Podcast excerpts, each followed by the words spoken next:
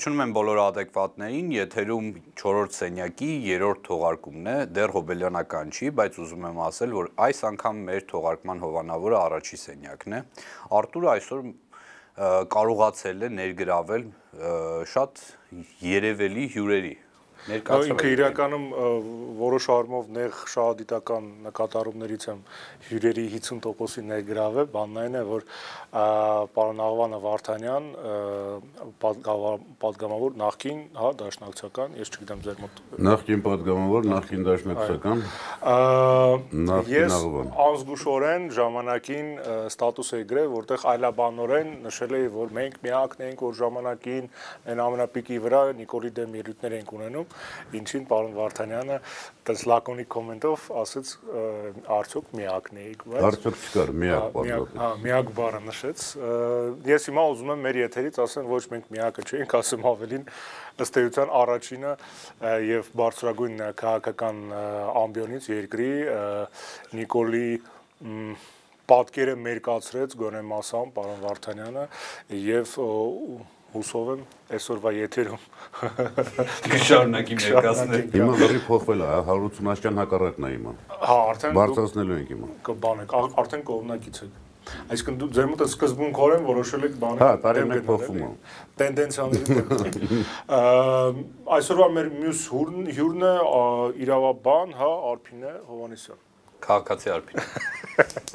Ես քաղաքացի Արմենից հետո գիտեի, որ քաղաքացի Արփինը պետք է ձեր մոտ հյուրը տալվի։ Շատ բուրը շապատ էր, ընդ որում բուրն սկսեց եւ բուրն ավարտա բոլորի սպասում։ Մենք հիմա ձայնագրվում ենք, չիմանալով թե ինչա տեղի ունենալու նոր նորքում, երբ որ Քոչարյանի դատի ոչ թե դատի վճիռը, այլ կալանքի կալանքի որոշման խափանան միջոցի որոշման հրապարակը։ Բայց արի խնայելով մեր հերոստադիտողին, մեր հաղորդման դիտողներին մի քիչ այտենց ռազագրևից սկսենք, հաճելի թեմաներից։ Մեր առաջի թեման կոչվում է Նիկոլը Մեղրի մեջ։ Ինչպես հիշում եք, այս վերջին դեկադան 10-օրյակ 10-օրյակը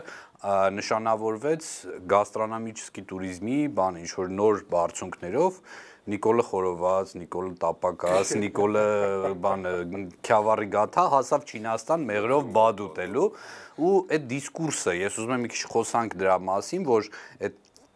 ինչ կապ կա ուղակի ծաղկափոշու ու մեղրի մեջ, հա, ասենք իրանք իրար մեջ ինչ որ մեկը մյուսի շարունակ ակնհայտ է, ինչ որ կա քաղաքականություն կա։ Ահա կառավարության մեծ քաղաքականություն։ Այո, մեծ գաստրո քաղաքականություն։ Չինաստան հասավ։ Մարդ հասավ Չինաստան, հասկանում ես,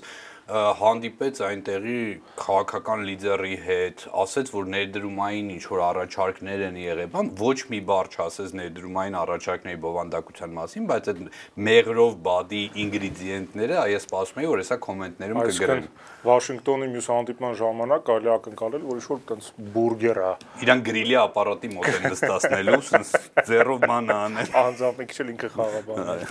բայց այո բովանդակային առումով Չինաստանից մենք ոչ մի բան տենց էլ չիմացանք այդ մարդը ինչի համար է գնացել կարող է մշակութային այդ կարծրագրում նաև չինական Փարիզը տեսնելու խնդիր կար կարևոր եկավ գաստրոտուրիզմ ավելի մշակութային գաստրո ավելի շատ հագեցած, հագեցած սրահ։ Բայց պրոգրես կա, նկատի որ պրոգրես կա։ Առաջ, որովհետև հիմա մեր այս պանցալի կառավարության ներդրումային խոստումների ծրագիրը երբ որ գումարում ես 450 միլիարդ ավինյաններ, չէ, խոստացե։ Միլիարդը տրիլիոն իրանց դեպքում։ Հա, ինչ արդեն տրիլիոնից անցնում է։ Թվերի հետ կապված ոնց որ խնդիր կա, դրա համար ավելի լավ է հիմա հստակեցումներ չանենք այդ մասով։ Ինչ որ է, ինչ որ 450 միլիոն են, որ հայտնի է ՍՊ-ով։ Ամեն ժամ փոխում է, ճիշտ չի։ Իրականում մենք երևի թե այսքան ուշադրություն չէինք դարձնի ոչ ծաղկափոշու, ոչ մեղրին, ոչ բադին առհասարակ, եթե շատ ճիշտ է ասում Կոստյան, դրա համար տենց եղավ էլի ինչ։ Չէ, մենք մենք չէինք դարձնի հիմա նկատի ունեմ չէինք դարձնի, եթե բովանդակություն լիներ այդ այցի մեջ, այսինքն գոնե բովանդակության մասին լիներ այնքան հաղորդագրություն, որ մենք իմանանք իրականում ինչ են խոսել այ դու ասում ես լիդերի հետ հանդիպեց, ասում ես ներդրումային ինչ որ առաջարկներ եղան։ Հա, բայց դրա բովանդակության մասին ոչ մեկ չգիտի ու բոլորի մոտ իրականում տպավորվում է մենակ նկարը ու այցը։ Դու ինքն ես լուսաբանում։ Բայց բադը բովանդակություն կարող ունենալ, լցոնացավ լիներ, ասենք։ Չէ, բադը կարող էր, բայց բադի բովանդակությունը ոնց որ այցի բովանդակության հետ այդքան էլ կապ չունի։ Դրա համար եմ ասում, որ ես չգիտեմ, դա միտումնավոր քաղաքականությունա կառավարության կողմից ժողովրդին զբաղեցնել տենց նկարներով, բադերով, ծաղկափոշիներով, թե ամեն դեպքում իրականում ոչ մի բան չկա ասելու։ Այս սա խնդիր է, որ այն նույն հերոստատիտողը կամ դիտողը առհասարակ այս հաղորդումը պետք է ուղղակի մտածի ինչի են իրեն դա հրամցնում։ Հա լավ, հաճելի է հեշտ է նայել, վառ տեքստի չես կարդում։ Ես կարծում եմ, որ տենց PR թիմը որոշել է Նիկոլ Փաշինյանի սկերտի ուտող խմողը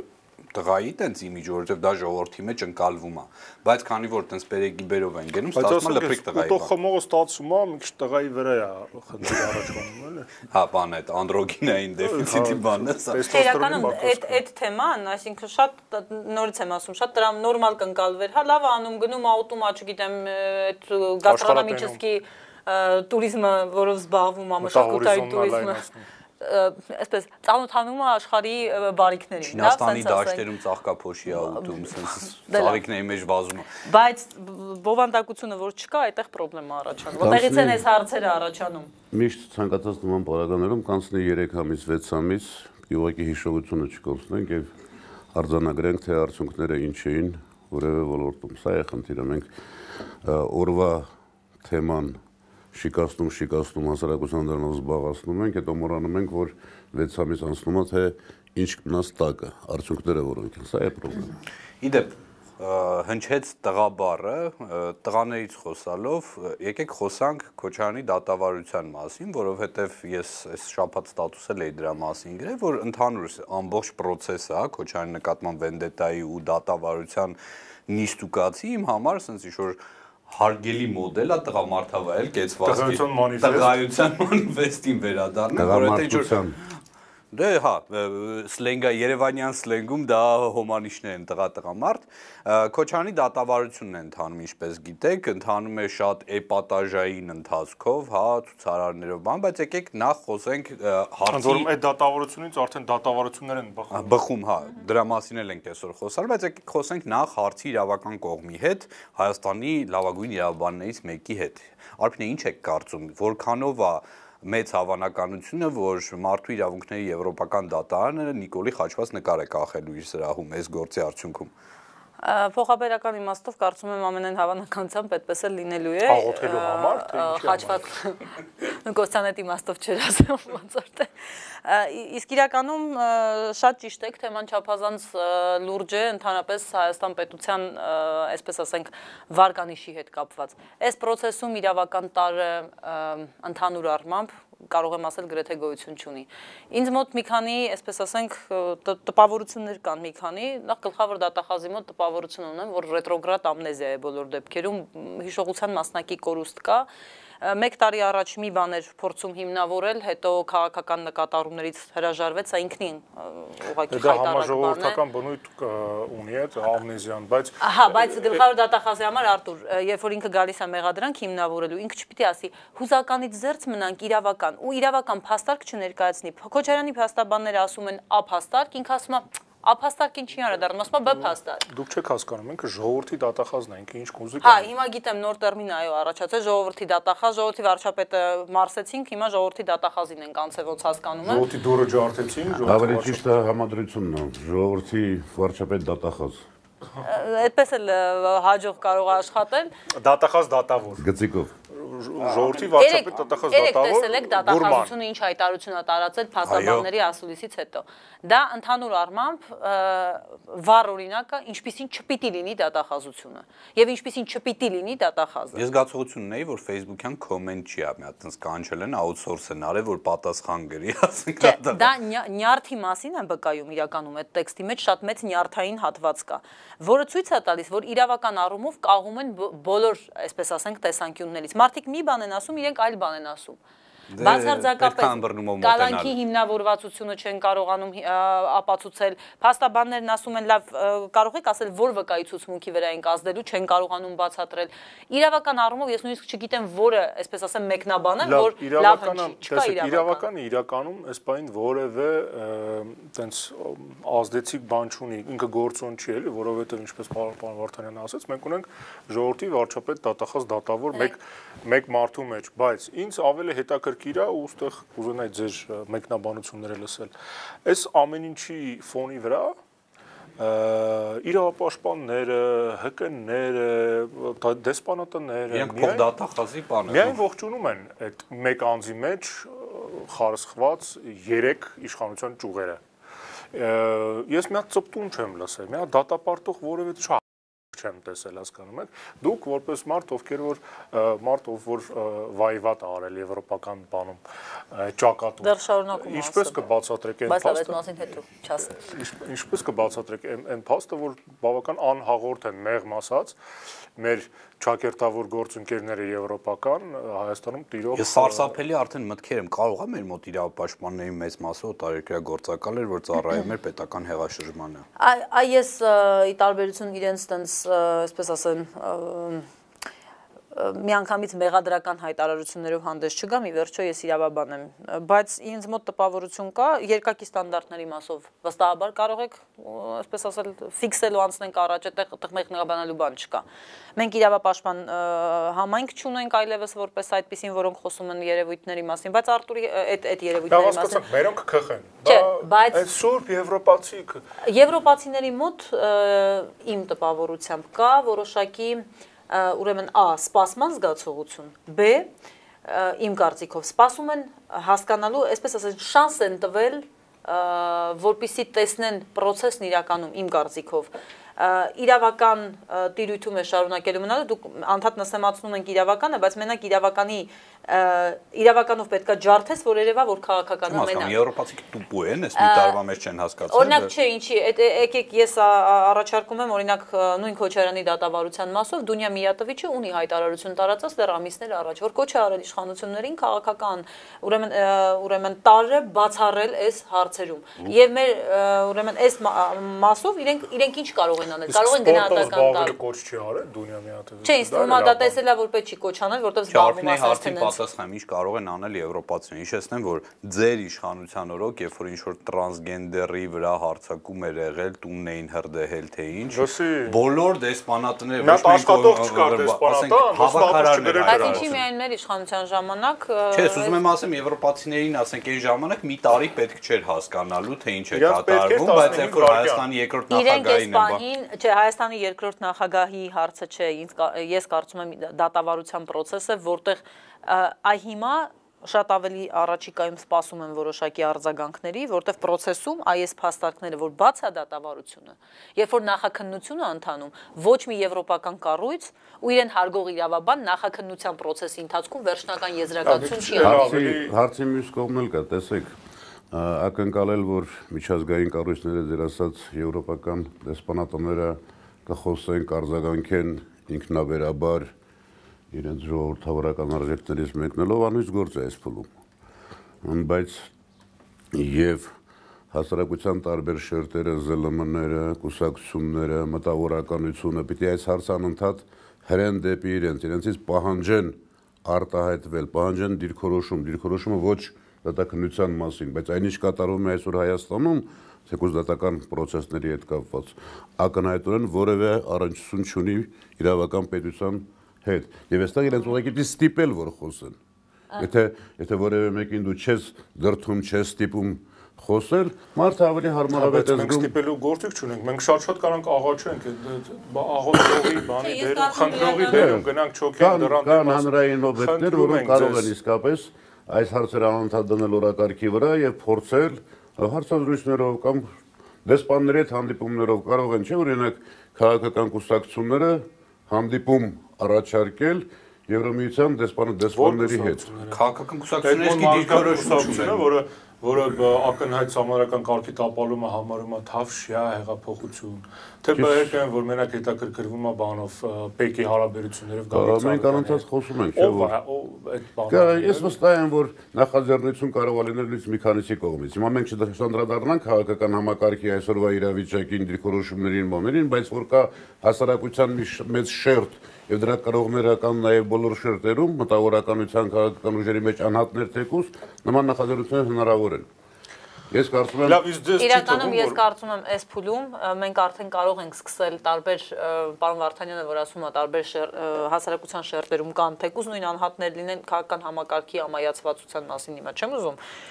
իրականում խոսել, բայց կարող են ուշադրությունը հրավիրել, որովհետև դատավարության բաց լինելն է ցույց տալիս շատ հարցեր։ Ուղղակի գնալ ասել, այ ինչպես եք հարգելի, ուղղակի հարցում ուղարկի մի լրատվամիջոց, ասի ինչպես եք մեկնաբանում այս падգամավորի կամ այս մարդու ասած։ Դերեք այս թեման ամփոփում ամփոփեն գիտես ինչով։ Դնենք, ես մի հատ կոնկրետ հարց եմ ուզում տամ։ Այդ պատրանքը չի, բայց ըստ ձեզ իմ մոտ օրինակ ես տենց եզրահանգման եմ եկել, որ քանի դեռ Նիկոլը սրբա դասել է եւ անձեռնմխելիություն է տվել սերական փոքրամասնություններին, իրեն ոչ մեկ ոչ մի բան Եվրոպայից չի ասելու։ Ես համաձայն չեմ։ Ես համաձայն չեմ։ Ես էլ համաձայն չեմ, դրա համար դատավարության մասով երկու փաստ, մեկը կատակային կամ լավ sense հումորային, համենայն դեպս գոնե դատավարության ընթացքում մենք տեսանք ոնց է պետք մարդուն ասել խելոք նստի տեղը, որ մարդն է խելոք նստի տեղը առանց դեմքի ծամածռությունների, հիստերիկ ելևեժների եւ բան։ Իսկ լուրջը այն ամենը ինչ պետք է իմանալ այս դատավարության իրավական կողմի մասին, գիտես ինչու՞մ է կայանում։ Երկրապահից ոչ մի վկայի ցուցմունք չկա։ Այսինքն քննարկում են 10 հոգու սպանություն եւ այլն եւ այլն։ Այդ ամենախայտարակ դրվագներից մեկն է, որ այսինքն են որ դες գորմեն մավել, մավել։ Չէ, որ տեսանյութ կա ոնց են կրակում ցուցարարների կողմից տրասի ռույշի, հա, լուսարցակով պատրոններով։ Կա միլիոն հատ փաստագրված հանգամանք, որ երկրապահ կամավորական միությունների կոնտինգենտը մասնակցել է ցուցարարների կողմից ու առերևույթ նաև զենքի, հա, ներգրաված ու ոչ մի վկայի ցուցմունք այս մասով գոյություն չունի։ 870-ից մոտ ցուցմունք կա, Կոսյան կարևոր բան ասում, սա ամենախայտարակ հատվածներից մեկն է։ Մեղադրանքը սահմանադրական կարգի տապալման ամբողջը կառուցված այն չի վրա, որ արել է խորհրդակցություն եւ զինված ուժերին բանակի ներգրավվածության վերաբերյալ ինչ որ ցուցում ա տվել։ Ենթադրաբար սա են փորձում ամբողջ դատախազությունով հիմնավորել։ Հիմա այս մարտիկ էլ հակառակը բոլորը ցուցմունքների մեծամասնությունը բոլորը գրեթե ասում են Այդ օրն ասեց, որ երկրապահին հետ պահեք բանա, որ քաղաքական process-ի մեջ չմտնի ու երկրապահի հետ կապված որևէ process, որևէ ցուցմունք, որևէ հարցականություն ոչ մի բան չի իրականացվում։ Միայն միայն մի փաստ 870 72 վկաներից։ Մեղադրանքը համադրական կարգի տապալում։ Ով կարող է ինձ ասել, թե 878-ի մարտ Ինչ կապ կարող է ունենալ այս մեղադրանքի հետ։ Ցուցարարը ո՞ն ինչ ցուցմունք պետք է տա, որ փաստի, որ սահմանադրական քաղաքական քաղաքական պատվերը իջեցնելուց հետո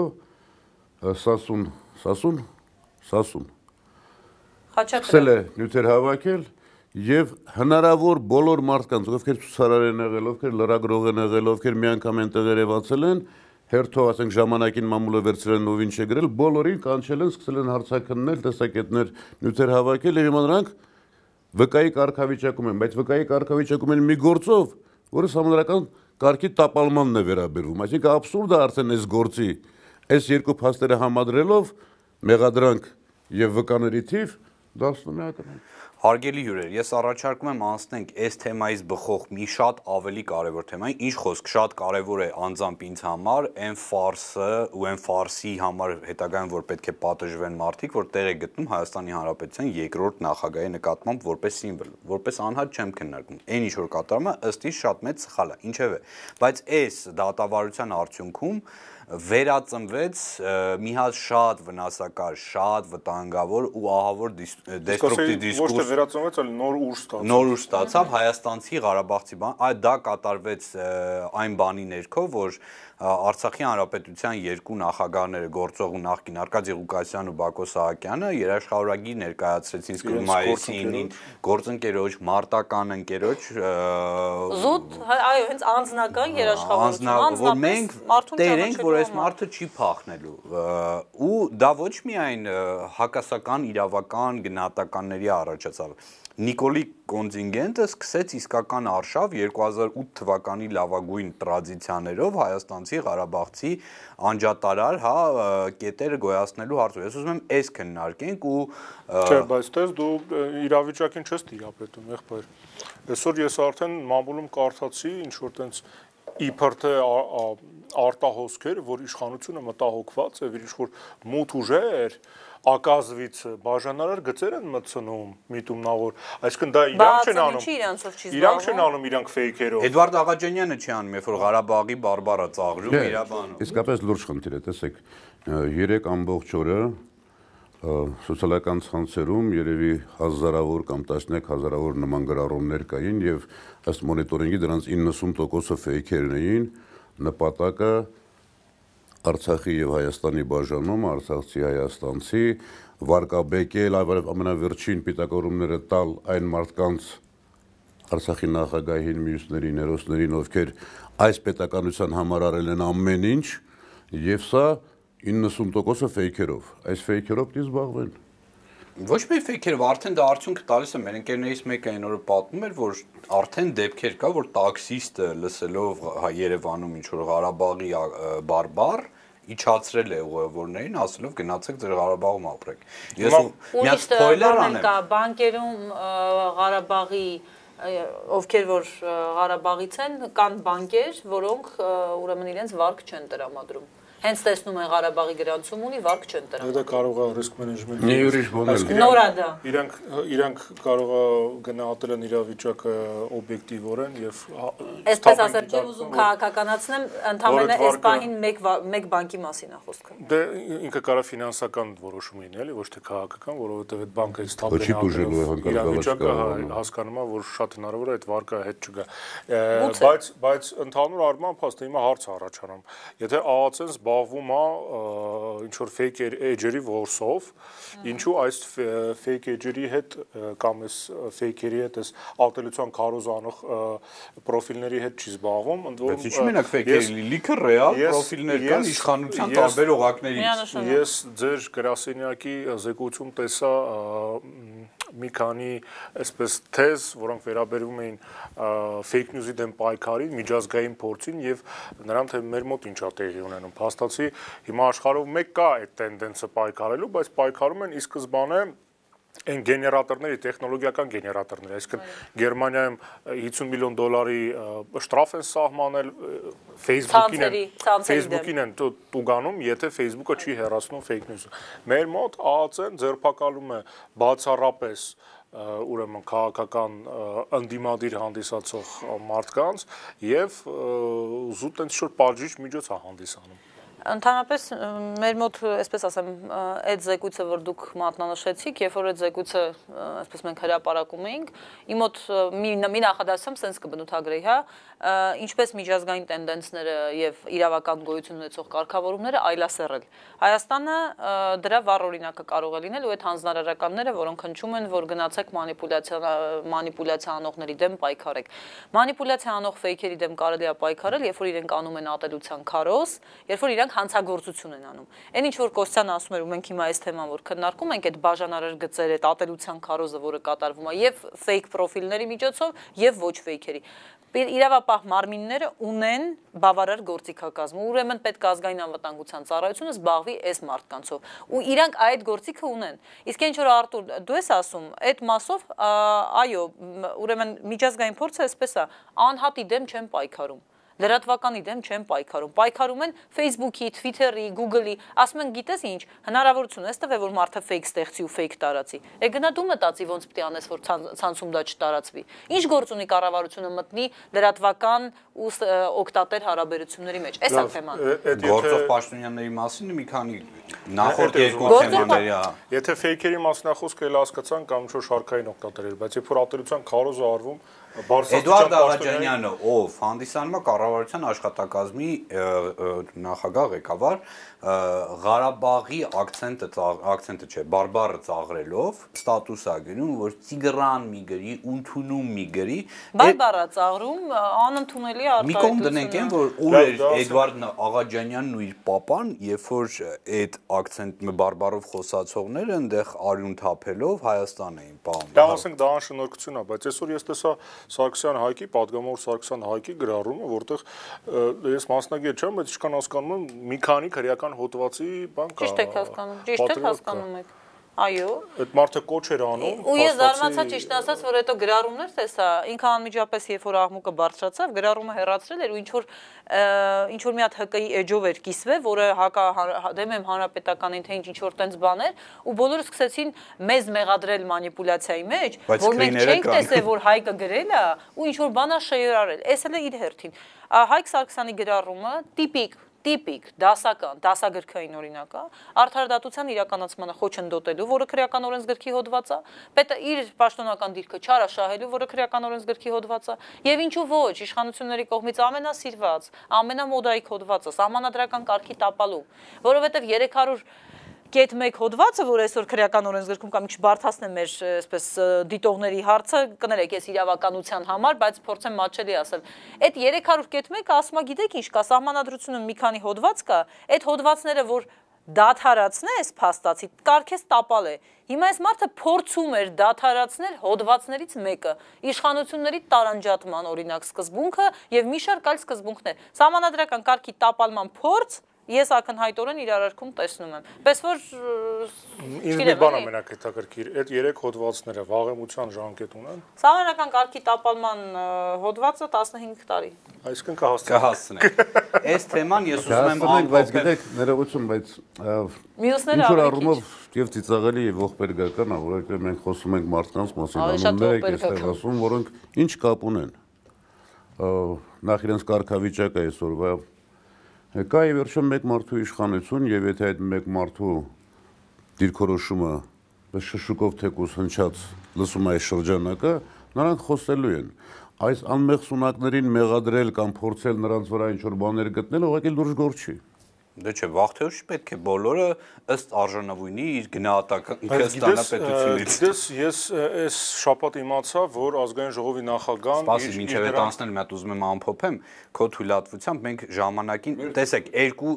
մի սփոյլեր անեմ, մենք Արփինեին խոսք ենք տվել, որ Նիժը պոյեսը ոչ մի հումոր այսօր չի լինելու, դրա համար Ոստիպած ոչ մի հումոր առասարակ։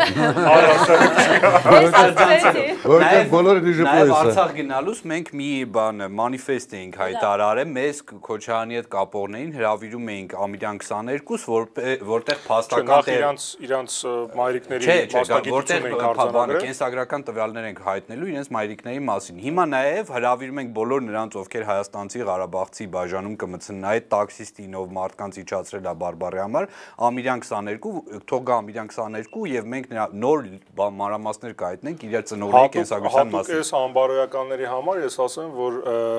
Ձեր համար паспորտի տրամադրման փաստաթղթեր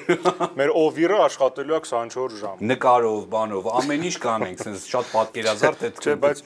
վաղեմության ժամկետի մասին որ խոսեցինք, ես ստեղ հիշեցի ու ուզում եմ ստեղ արձանագրի, որ այս շաբաթ ազգային ժողովի նախագահը իրան դրան արչև ռենգենի սարքադրել։ Իսկ երկու հիպոթեզ կա, ես շատ կարևոր երկու հիպոթեզ եմ։ Տարբերակ 1 ինչին է պետք Արարատ Միրզոյանին մետաղաորսիչ իր դրան մոտ ըստ չար լեզուների Onyx-ով բանը փոշեկուլա պատվիր է, այն իր հինը փչացել է սխալվել են, էդ է եկե հասել։ Տարբերակ ռենգենի սարքա եկել փոշեկուլի։ Ես խնդրում եմ նկարել Արփինեով այն։ Իմ տասկի կա տարբերակ երկու. Այն բան են ԴՀԿ-ի տուգանք է որ ով բան էին արեկալանք էին դրել այտենց բան ներքին կուխնյա որոշել են որ կոպեկ կաս կան դե սենց 3 լիտրանոց բանկա է որ ով գալիս է կոպեկները պետք է գցի որ այդ տուգանքի տակից հանեն բայց սրիկաները չեն գցում կոպեկներ հիմա այդ սարքը դրել են որ ծլնգա այդ ինչ հա ցույց տուր ԴՀԿ-ի տուգանքը պետք է փակվի տելևիզոր մարդը չի կարող ես կարծում եմ դուք ռենտգենի սարքին մի կողմից եք նայում Ես կարծում եմ հակառակ կողմից պիտի նայել։ Արարատ Միրզոյանն է կարող։ Գուցե իշխանությունը ռենգեն սարքը տեղադրում է, որպեսզի Արարատ Միրզոյանը դուրս գալուց որևէ բան չտանի։ Բաց տանի հասկայի։ Չէ, ինքը չէ, ինքը չէր անի։ Ինքը չէր անի։ Այն մնացած 40 քանյակի։ Չէ, բայց Դրամաբանությունը հետաքրքիր է, որովհետև նոր են սկսել առաջ մենակ մտնելուց էին ստուգում, հիմա դուրս գալուց են ստուգում։ Նենց որ երկկողմանի ստուգումը տրամաբանությունը մենք գիտենք, որ իմ քայլում կան մարդիկ, ովքեր հակում ունեն, տենց թակուն ԱԺ տրանսգենդեր մտցնելու, բայց հիմա էտիկա կծլնգա, հա, բանը սարքի մոտ։ Ինչ որ Բայց ես չեմ զար, իրոք չեմ զարմանա, եթե իմանա, որ ԱԺ-ից ինչ որ մեկը տենց աթորա գողաց իրանցից կամ հասկանալով հասկանալով իրանց կենսա իմանալով իրանց կենսագրությունը բացարձակ զայմանալի չի։ Բնական է, այսինքն ես Եթե ինչ որ մեկը բան տան։ Վերջերս հաճախ եմ լսում, որ երևի մի 7-8% լսել եմ մեր падգամավորներից, որ ամեն երրորդ նախադասությունը հետեւյալն է. ես որպես падգամավոր, ես որպես падգամավոր բանա չէ շշմելով ժամանակներ են եւ տարօրինակ չի լինի, եթե ասեն գոնե ինչ որ ժամանակ հետո այդ մարդիկ ինչ որ սուվենիրներ, բաներ վերցնեն հիշատակներ, որ իրանք падգամավորի Չարուլենային որ ապացույց լինի, որ իրանք որպես падգամավոր ինչ որ բաներ են։ Падգամավորի պաշտոնն են զբաղեցրել, եկեք ճիշտ էլի։ Падգամավոր ու պաշտոնը զբաղեցնողանց դրանք մի քիչ տենց զավթած կարող են նույնիսկ։ Տարբեր։ հա։ Բայց ես հիշում եմ այն քննարկումները, երբ որ ասում էին, բա ժողովրդի բանին կաթողիկոսին, բան պետք չի թիկնապահներ պետք չեն։ Մենք ուզում եմ հասկանամ, Եթե դու ժողովրդի ազգային ժողովի նախագահն ես, ի՞նչ դա պետք։ Դարպասներն էլ մեզ տիպելով բացել։ Դարպասները կամ փագեք։ Դարպասները բացել։ Չէ, ուրիշ բան ասեմ, բայց մետաղորսիչը բանս դա։ Ազգային ժողովը հավելյալ ֆինանսավորումա պահանջի կառավարությունից, որտեվ կոմանդիրովկեքի այդ, չգիտեմ, մետաղորսիչների ու այլ հարակից ծախսերի համար քչություն ա, հիմա 1 միլիարդ դրամ կառավարությունը 890 միլիոն դրամ ա հատկացրել, որպեսի լավ ֆրֆռան տղեկը։ Այս այն նույն մարտիկ էին, ովքեր նախորդ գումարման ազգային ժողովի ժամանակ ամեն լուման հաշվում, բա ինչների սա պետք է այդքան գործողում։ Արդար չեք ճիշտ չի այս մարդկանց հիշեցնել նախկինը։ Իրենք միշտ սկսում են 0 կետից, անցյալը մոռացեք իրենց, իրենց նայեք այսօր։ Հա բայց ինչ ասում ես, ասում լավ է, որ իրենք միշտ 0 կետից են սկսում, այնպես որ 0 կետից իրանց մասով, իրենց քննադատների մասով, բա լավ էր, որ Սերժի ժամանակ։ Չէ, բայց ամեն դեպքում ընդունենք, որ կրիմինոգեն իրավիճակը հանրապետությունում իրոք կտրուկ վատացել է եւ արդեն սկսել են մարդկանց շշել, հասկանում ես։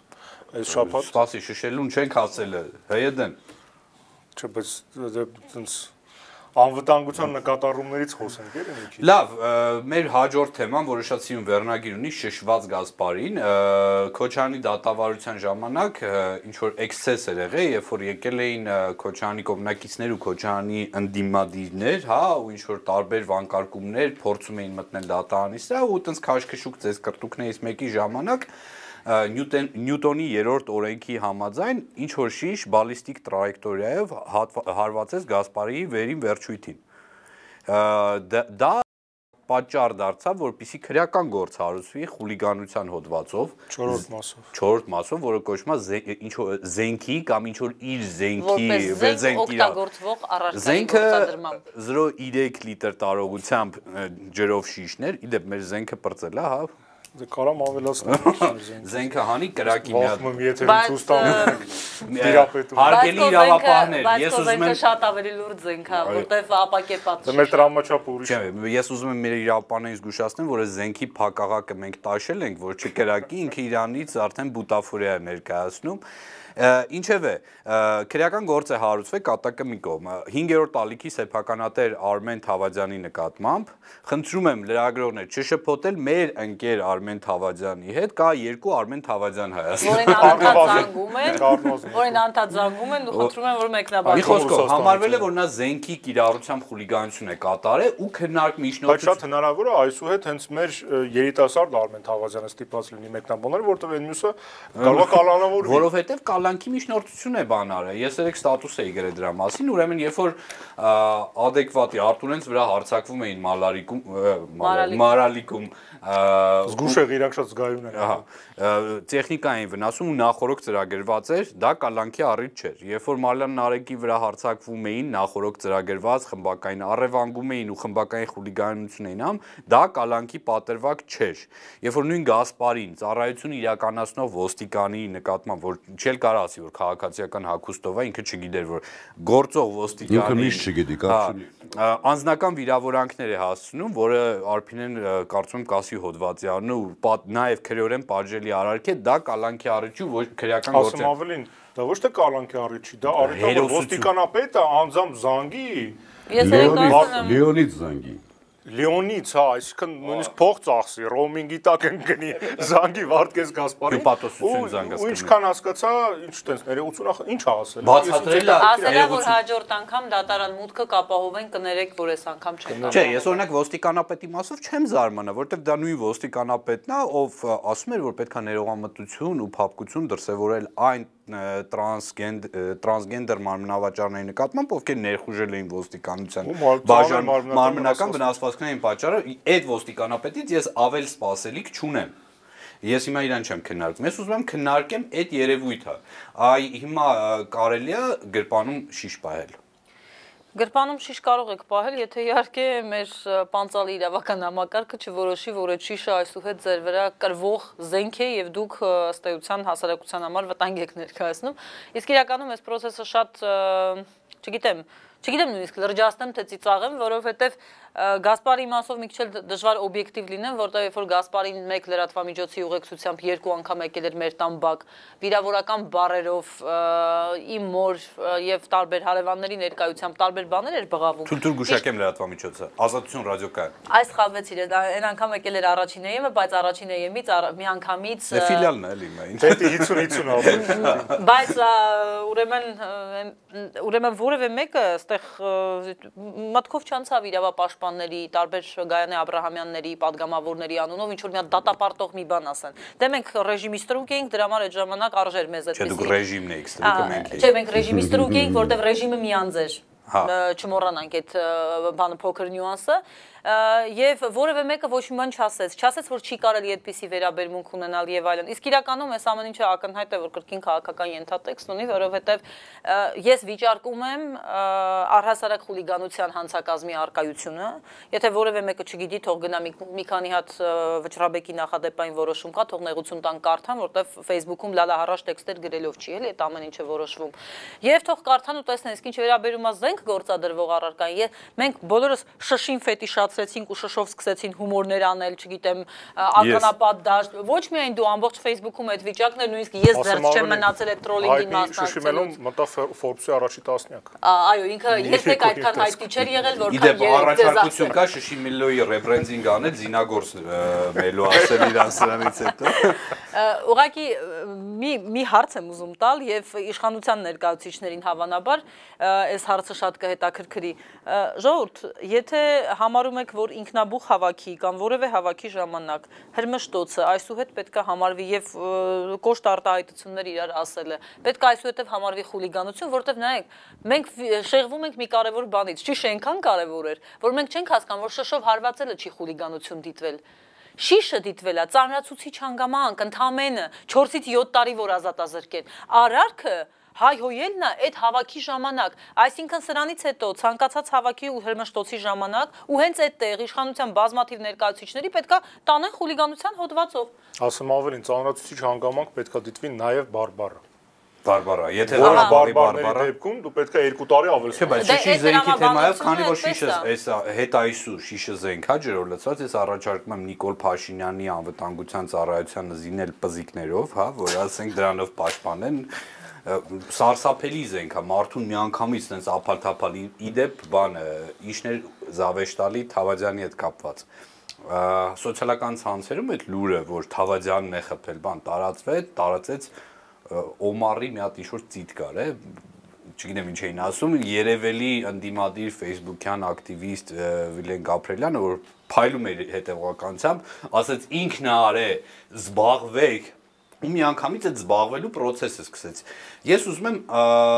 մի հատ էլի հարց տամ։ Արդյոք սա քաղաքական պատվեր էլի չի։ Եթե հիմա Թավադյանը լիներ ոչ թե 5-րդ ալիքի, այլ ենթադրենք Արարատ Նյուզի կամ Պետրոս Ղազարյանը եթե շշով հարված էր ինչ որ մեկին։ Չէ, ականատ։ Ես չեմ ուզում մտնել իրավական հարցերի մեջ։ Անիմաստ է, գիտեք, որ հատուկ թիրախան տրված Օրոն Թավադյան ինձ համար ակնհայտ է բազմաթիվ պատճառներով ինքը վերջո Քոչարյանի զինակից ընկերն է, ամենամտիրիմ ընկերն է, ինքը կազմակերպում է նաև պաշտպանությունը։ Միակ ընդդիմադիր ալիքի ալիքի ալիքի սեփականատերն է իրական։ Բայց սա չի խնդիրը, տեսեք, ինչ մենք ինչ պատկեր ունենք։ Մենք ասում ենք, մենք չէ։ Այսօրվա մեր իշխանությունը բարձր ժողովրդի ամուսը չէ անդես գալիս։ Իրենց ասած ժողովուրդը նաև այն զանգվածն է, որը դիմացի մայթում հավաքվում է։ Եվ իրանց ասած ժողովրդի պատկերը այդ պարկողն է,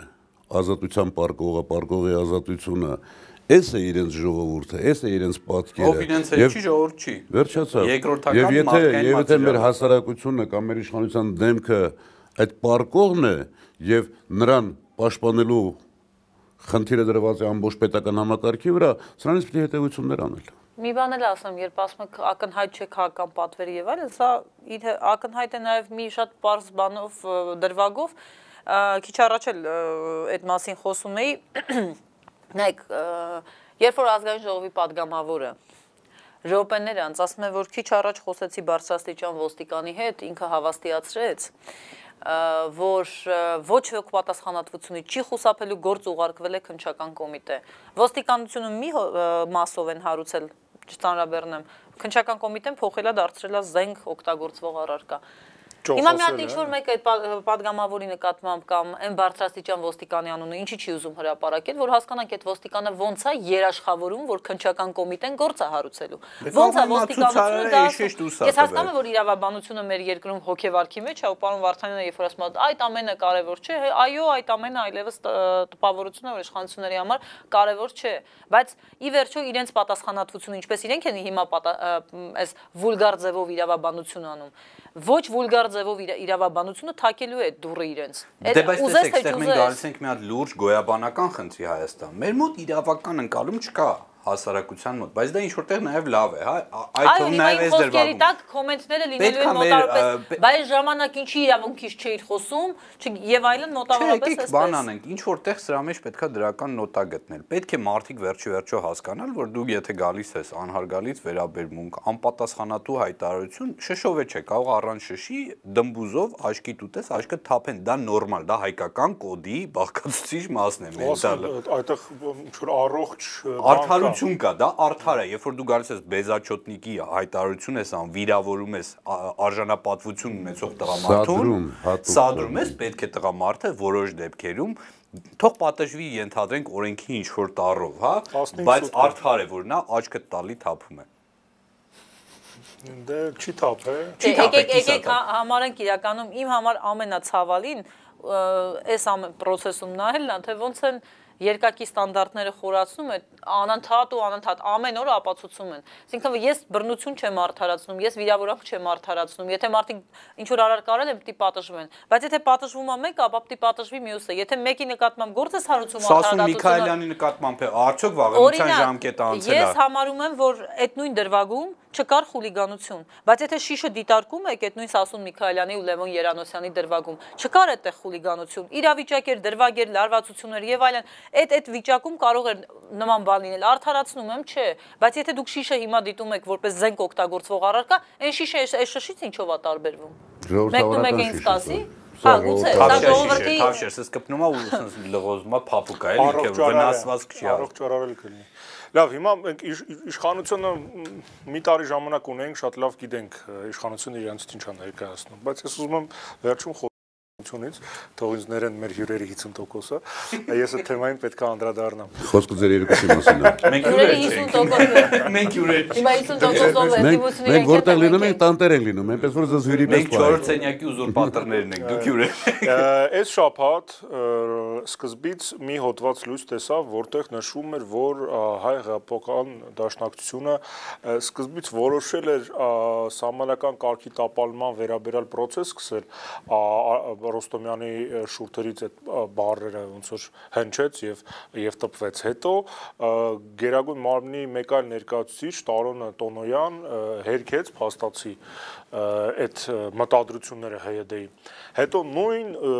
մարդը Տոնոյանը հերքեց իր իսկ հերքումը Հիմա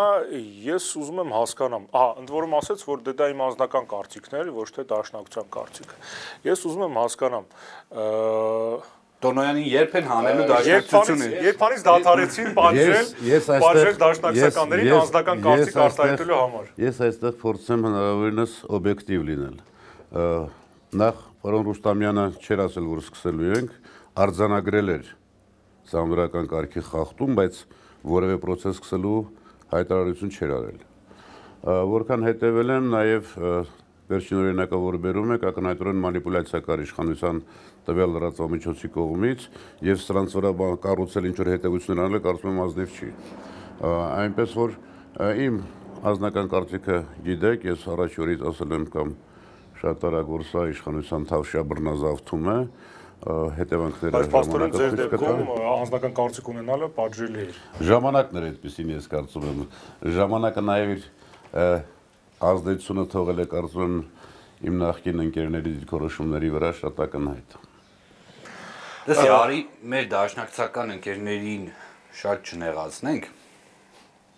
Գիտենք, որ տարբեր պատմության տարբեր փուլերում նման դուալիզմի առաջ կանգնել է այդ միավորը, բայց ամենը գիտեք, իսկ ինձ թվում է ժամանակները միշտ նույնն են։